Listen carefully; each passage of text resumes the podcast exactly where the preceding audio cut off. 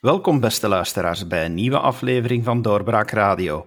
Ik ben uw gastheer David Geens en mijn gast vandaag is Bart van Krijnest, hoofdeconoom bij VOCA. Welkom, meneer van Krijnest. Welkom terug zelfs. Goedemiddag. Meneer van Krijnest, we willen eens met u praten over economische groei, omdat daar toch uh, soms vragen worden bijgesteld. En dan vraag ik mij af, hoe zou een wereld zonder economische groei er eigenlijk uitzien volgens u? Ja, een wereld zonder economische groei, dat lijkt me geen, uh, geen pretje, geen mooi beeld. Um, het is inderdaad zo dat, dat er al langer vragen gesteld worden bij economische groei. En dat sommigen die coronacrisis nu, nu zien als een soort uh, moment om, om, om helemaal onze economie te resetten. En dat we eigenlijk af moeten van dat streven naar economische groei. Maar mij lijkt dat helemaal geen, geen goed idee. Een wereld zonder economische groei ja, dat, dat lijkt me eerder een, een doemscenario op, op, op allerlei uh, vlakken. Um, maar als we gewoon eens kijken naar de Belgische context, ja, mogen we niet vergeten dat heel onze welvaartsstaat eigenlijk afhankelijk is, gebouwd is op economische groei. Um, om maar één voorbeeld te geven, de hele vergrijzingsfactuur. Uh, de komende 50 jaar komen er in België 1,2 miljoen gepensioneerden bij. Um, de enige manier om dat op te vangen is, is, via, is via economische groei. Uh, die facturen zijn ondertussen al, al berekend, er zijn ramingen van. Daar, dat komt op zo'n 20 miljard euro per jaar in euro's van vandaag extra op termijn om extra pensioenen te betalen, om extra gezondheidszorg te betalen. Die raming van die 20 miljard die zijn gebaseerd op een redelijke economische groei. Als we geen economische groei hebben, dan wordt dat nog veel, veel meer. Um, onze welvaartsstaat, zoals we die vandaag kennen, is gewoon niet houdbaar zonder economische groei. Ook niet als we gaan denken aan andere recepten, zoals bijvoorbeeld een zeer grote structurele herverdeling van de rijkdommen? Ja, wel, dat is een beetje het probleem. Hè. Zonder economische groei um, ja, wordt heel onze economie, heel onze samenleving, als je wil, een beetje een, een, een zero-sum game. Er is dan één pot welvaart, één pot geld als je wil, die je kunt gaan verdelen. En bepaalde groepen in de samenleving kunnen er, kunnen dan enkel op vooruit gaan ten koste van andere groepen. En ja, je kunt natuurlijk uh, leven in het idee dat, dat we met uh, totale herverdeling, dat we daarmee kunnen leven. Maar ik denk in de praktijk heeft de geschiedenis geleerd dat dat soort omstandigheden waarbij bepaalde groepen enkel kunnen vooruitgaan ten koste van anderen, ja, dat dat een heel, uh, ja, al heel snel leidt tot, tot conflicten en een, heel ja, ongunstig maatschappelijke uh, resultaten met zich meebrengt. Dus in die zin, economische groei maakt het makkelijker om iedereen uh, te laten genieten van die vooruitgang. Je moet natuurlijk wel de, de, de verdeling van die, van die vruchten van de economische groei, daar moet je inderdaad over denken, maar zonder economische groei kun je enkel uh, sommige mensen wat meer geven ten koste van anderen. Die pensioenen waar ik er straks over sprak, ja, die bedragen, die extra bedragen, moet je dan ofwel gaan afnemen van, van andere mensen, ofwel moet je, ja, moet je die pensioenrechten naar beneden halen. En dat wordt heel rap een zeer, uh, ja, een model met, met zeer uh, grote tegenstrijdige belangen, waar iedereen ja, voor zichzelf gaat opkomen natuurlijk, en waar dat je heel veel conflicten krijgt. Dus dat is niet een wereld, denk ik, waarin, uh, waarin we willen leven, zo zonder economische groei. Maar kunnen we blijven groeien? Uiteindelijk leven we op een planeet die ja, zijn maximale bronnen heeft. Uh, is, is, is het dan mogelijk om, om te denken dat die groei maar kan blijven doorgaan tot in de eeuwigheid? Ja, dat is, dat is inderdaad het argument dat dan, dat dan vaak uh, tegen wordt gebruikt. Van we zitten in, uh, op een eindige planeet en we kunnen niet oneindig groeien. Wat we tot nog toe gezien hebben, is dat we natuurlijk dankzij innovatie, dankzij de, laten we zeggen, vindingrijkheid van, van de mens, dat we wel vooruitgang kunnen, kunnen boeken. En dat we wel veel efficiënter met, uh, met de middelen die we hebben kunnen omgaan. Productiever worden ook, met de bestaande uh, materialen, middelen als je wil, dat we meer kunnen, kunnen bereiken. En die, die weg moeten we moeten we verder, denk ik. Het is inderdaad niet zo dat, dat het lang niet meer zo dat het gaat om ongebreidelde groei, waarbij we enkel puur groei voor de groei en, en ten koste van om het even wat daarvoor gaan, dat is het al lang niet meer natuurlijk. We moeten inderdaad inzetten op duurzame groei, op, eh, op een economische groei die wel rekening houdt binnen de bijvoorbeeld beperkingen eh, rond klimaat en milieu. Ehm, daar moeten we inderdaad naar streven, naar zo'n duurzame groei, gezonde groei als je wil, die evenwichtig verdeeld wordt dan ook over de hele maatschappij.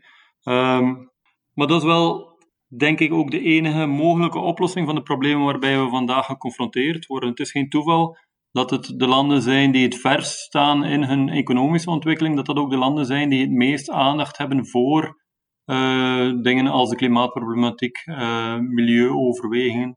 Dus bijvoorbeeld in China, naarmate die zich economisch verder ontwikkelen, worden ook dat soort overwegingen daar meer en meer in rekening gebracht. Uh, om, om het heel cru te stellen, op het moment dat je bevolking zich zorgen maakt over, over basisnoden zoals voeding, uh, zoals gezondheidszorg, ja, dan, dan is ze minder bereid om inspanning te doen voor het milieu, voor het klimaat.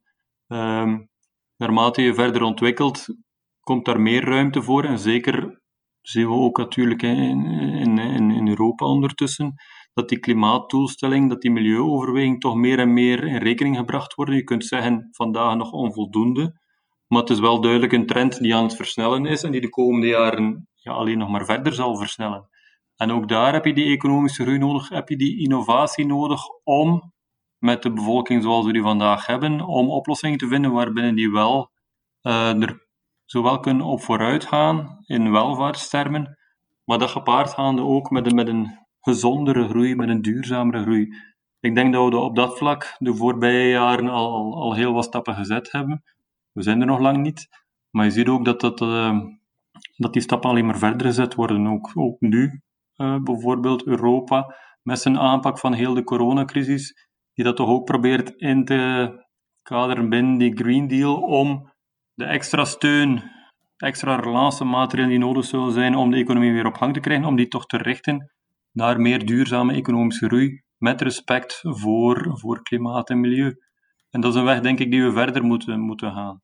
Uh, mochten we gaan voor een wereld zonder groei, want dat wordt dan vaak zo voorgesteld, we kunnen maar volop uh, voor, uh, voor het klimaat en milieu gaan als we stoppen met groeien, dan denk ik dat de slinger heel snel doorslaat naar een soort conflict situatie waar, waar die economische overwegingen weer de bovenhand nemen en dat er ja, veel minder energie en tijd gestopt wordt in heel die klimaatoverweging.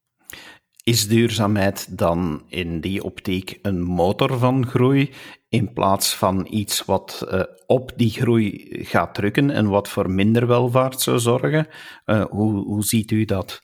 Ja, zeker. Ik denk voor de komende, de komende decennia wordt duurzaamheid inderdaad een belangrijke motor in, in onze economie. Uh, dat zie je nu al. Heel veel inspanningen op vlak van innovatie die gaan richting die duurzame oplossingen. En daar zit ook ook voor ons heel wat mogelijkheden voor onze Belgische economie, voor onze Vlaamse economie. Um, dat zijn toch de sectoren van de toekomst waar we moeten gaan op inzetten.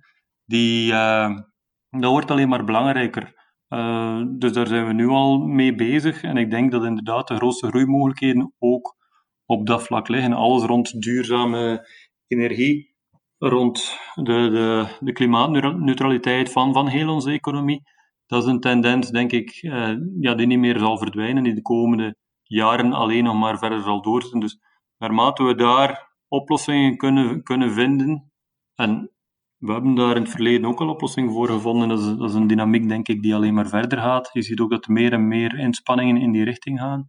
Kunnen we daar ook uh, nieuw economisch potentieel uh, in vinden? Um, en dat is zeker de weg die, die ook voor denk ik, de Vlaamse economie de, de toekomst inhoudt. Is een, een bruto binnenlands product, het, uh, het BPP, het magische woord van BPP, is dat dan een goede indicator nog altijd om het welvaartsniveau te meten in ons land? Ja, dat is het, dat is het niet. En dat is het ook nooit geweest. Als ik spreek over economische groei, bedoel ik, niet, bedoel ik het niet in de puur wiskundige termen van een zo groot mogelijk bruto binnenlands product. Uh, ik denk dat je mag er alle economen uh, over ondervragen die je kent, ik dat niemand, denk ik, zal, zal meegeven dat het bruto binnenlands product echt een, een, een zaligmakende indicator is en dat het echt daarom gaat. Nee, het gaat om de welvaart van de bevolking natuurlijk. Bruto binnenlands product is een zeer ruwe indicator om dat te meten en een indicator die, die met zeer duidelijke tekortkomingen, uh, ja, gewoon bij wijze van spreken, als wij hier morgen uh, gewoon huizen gaan, uh, gaan, gaan bulldozeren en we bouwen ze dan opnieuw op, dat is positief voor ons bruto binnenlands product. Dat is natuurlijk niet het soort economische activiteit die we willen ontplooien. Het gaat er niet om om het, om het BBP zo, zo groot. Het BBP is geen doel op zich. Bruto binnenlands product is gewoon een, een, een meetinstrument en eentje met gebreken.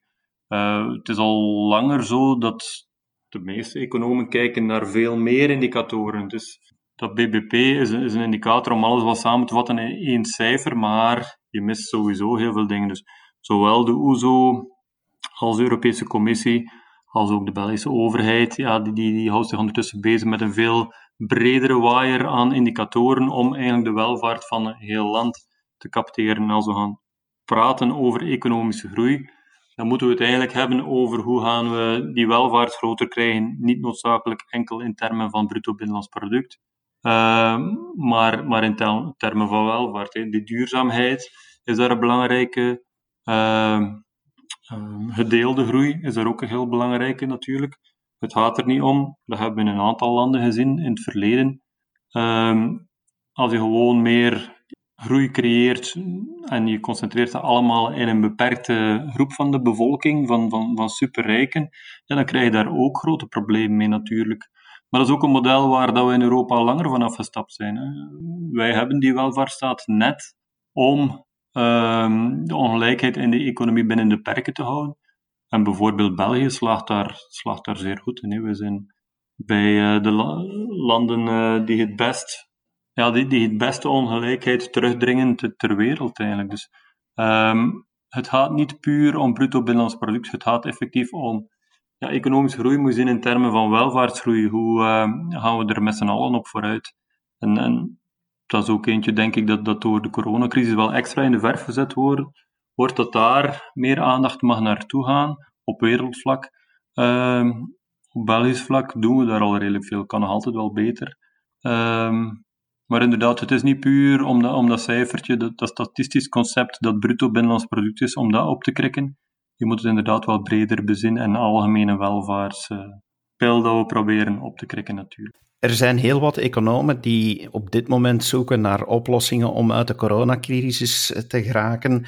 En een van de mogelijkheden die daarbij wordt geopperd, is dat de Europese Bank zou moeten kijken naar haar politiek van geld bijdrukken. En weliswaar zou verder kunnen gaan met geld bij te drukken, maar dit op een andere manier moet bezorgen, namelijk rechtstreeks aan de mensen en niet in de economie. Is dat een goed idee?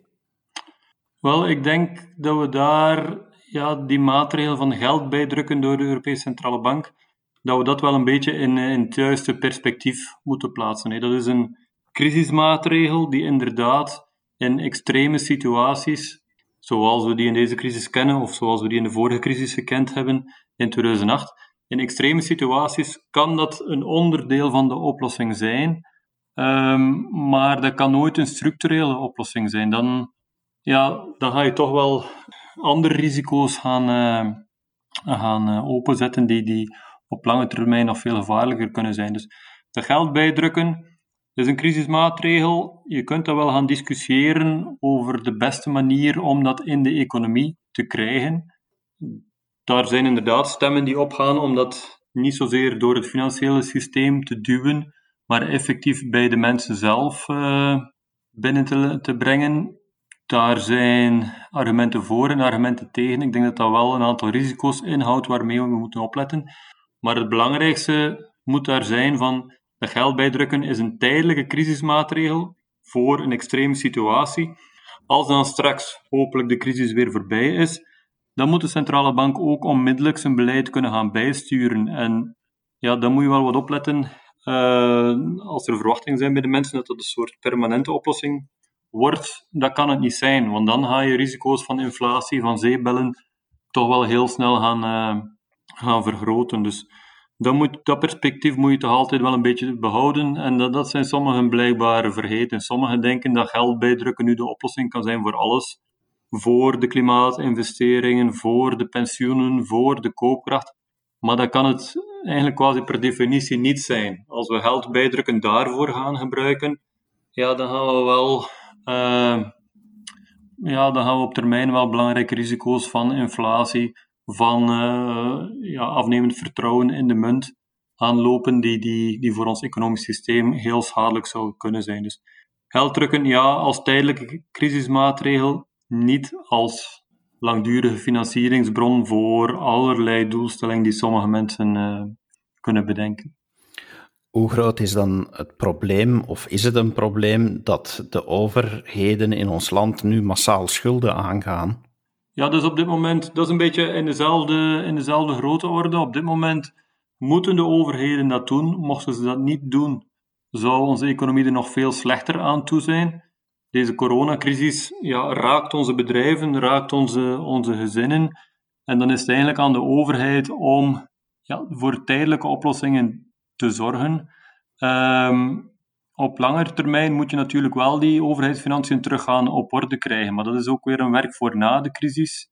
Belangrijk is daarbij wel ja, wat je precies doet met die overheidsuitgaven natuurlijk. Als, je, als de overheid nu schulden aangaat om, om te gaan investeren, bijvoorbeeld in uh, hernieuwbare energieprojecten, bijvoorbeeld in onze mobiliteit, bijvoorbeeld in de digitalisering van onze economie.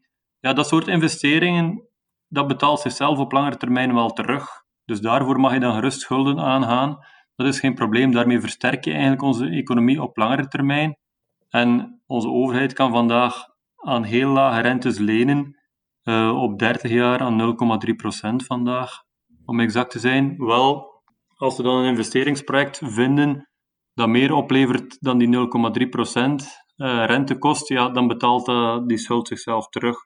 Anderzijds mag je die schulden niet gaan gebruiken om, om, ja, om allerlei lopende uitgaven te gaan financieren. Er zijn ook plannen om bijvoorbeeld de, de pensioenen te verhogen. Ja, dat kun je niet met schuld gaan financieren, want dat is een extra uitgave die jaar na jaar terugkomt. Eigenlijk tot, ja, tot een tonijn, bij wijze van spreken. En die niet zorgt voor echt veel meer groeipotentieel, die zichzelf dus niet gaat terugbetalen.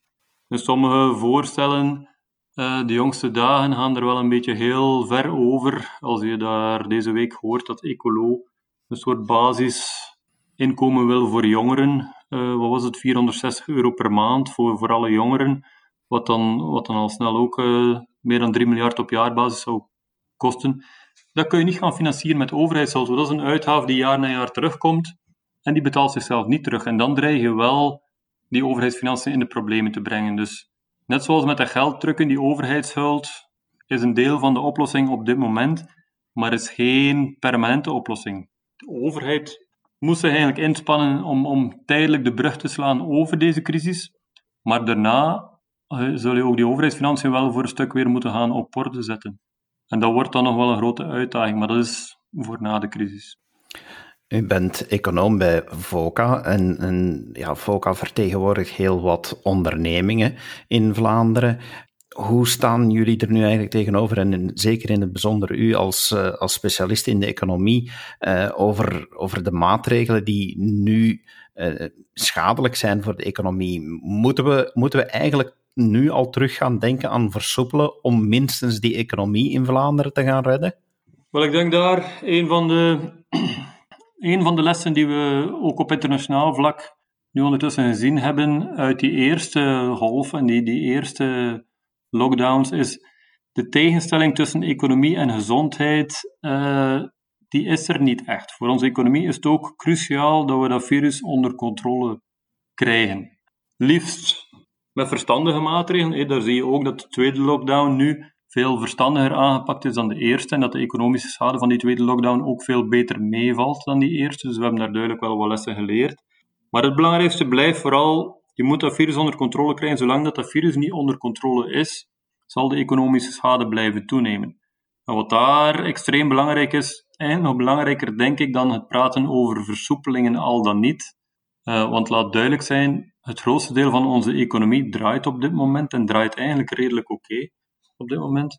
Ehm, maar belangrijker nog dan, dan eventuele versoepeling is ja, wat gaan we doen daarna?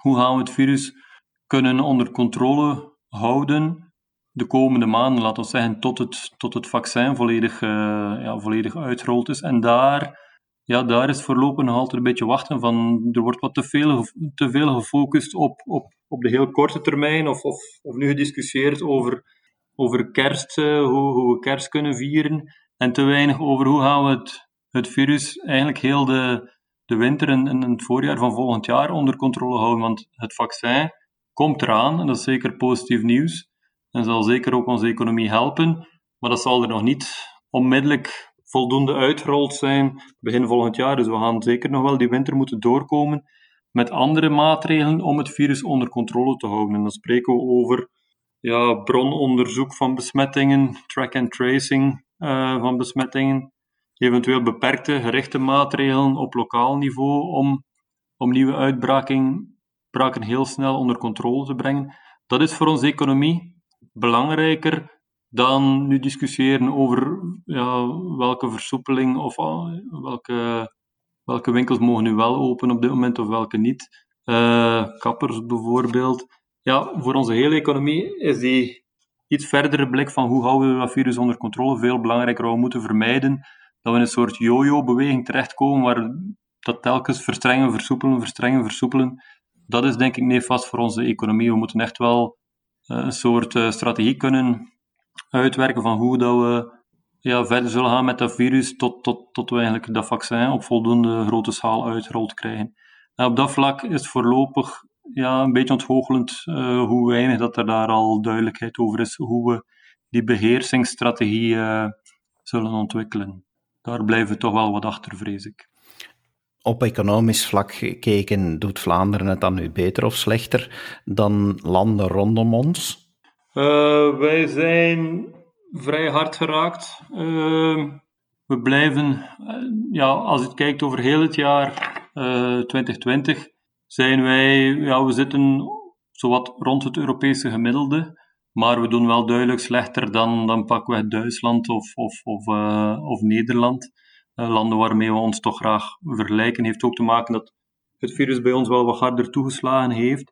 En heeft ook te maken dat we, wat ik daar straks zei, die eerste lockdown, ja, misschien toch wel wat overdreven hebben. Als je bijvoorbeeld vergelijkt met Duitsland en Nederland, zie je dat bijvoorbeeld de bouw bij ons Ehm, ja, in de eerste lockdown initieel toch ook in grote mate plat gegaan is, wat wellicht niet nodig was, en dat dat toch voor extra economische schade gezorgd heeft. Ehm, en vandaar ook die tweede lockdown is duidelijk veel minder hard dan die eerste, economisch gezien, omdat bijvoorbeeld de bouw en toch de industrie eigenlijk uh, grotendeels uh, kunnen verder werken hebben, en dat maakt toch wel een groot verschil. Uh, dus ja, wij, wij doen daar wel op economisch vlak ook wat zwakker dan ja, de landen waarmee we ons graag vergelijken. Ja. Meneer Van Kruijnest, hartelijk dank dat u dat allemaal hebt willen toelichten in onze podcast. Zoals eh, de vorige keren was het zeer leerrijk en helpt het onze luisteraars om de situatie beter te begrijpen. Dank u wel daarvoor. Met plezier.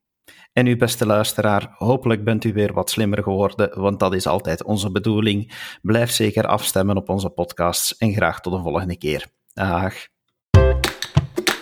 Dit was een episode van Doorbraak Radio, de podcast van doorbraak.be. Volg onze podcast op doorbraak.be/radio of via Apple Podcasts, Overcast of Spotify. Bezoek ook onze website op doorbraak.be en steun ons door een vriend te worden van Doorbraak.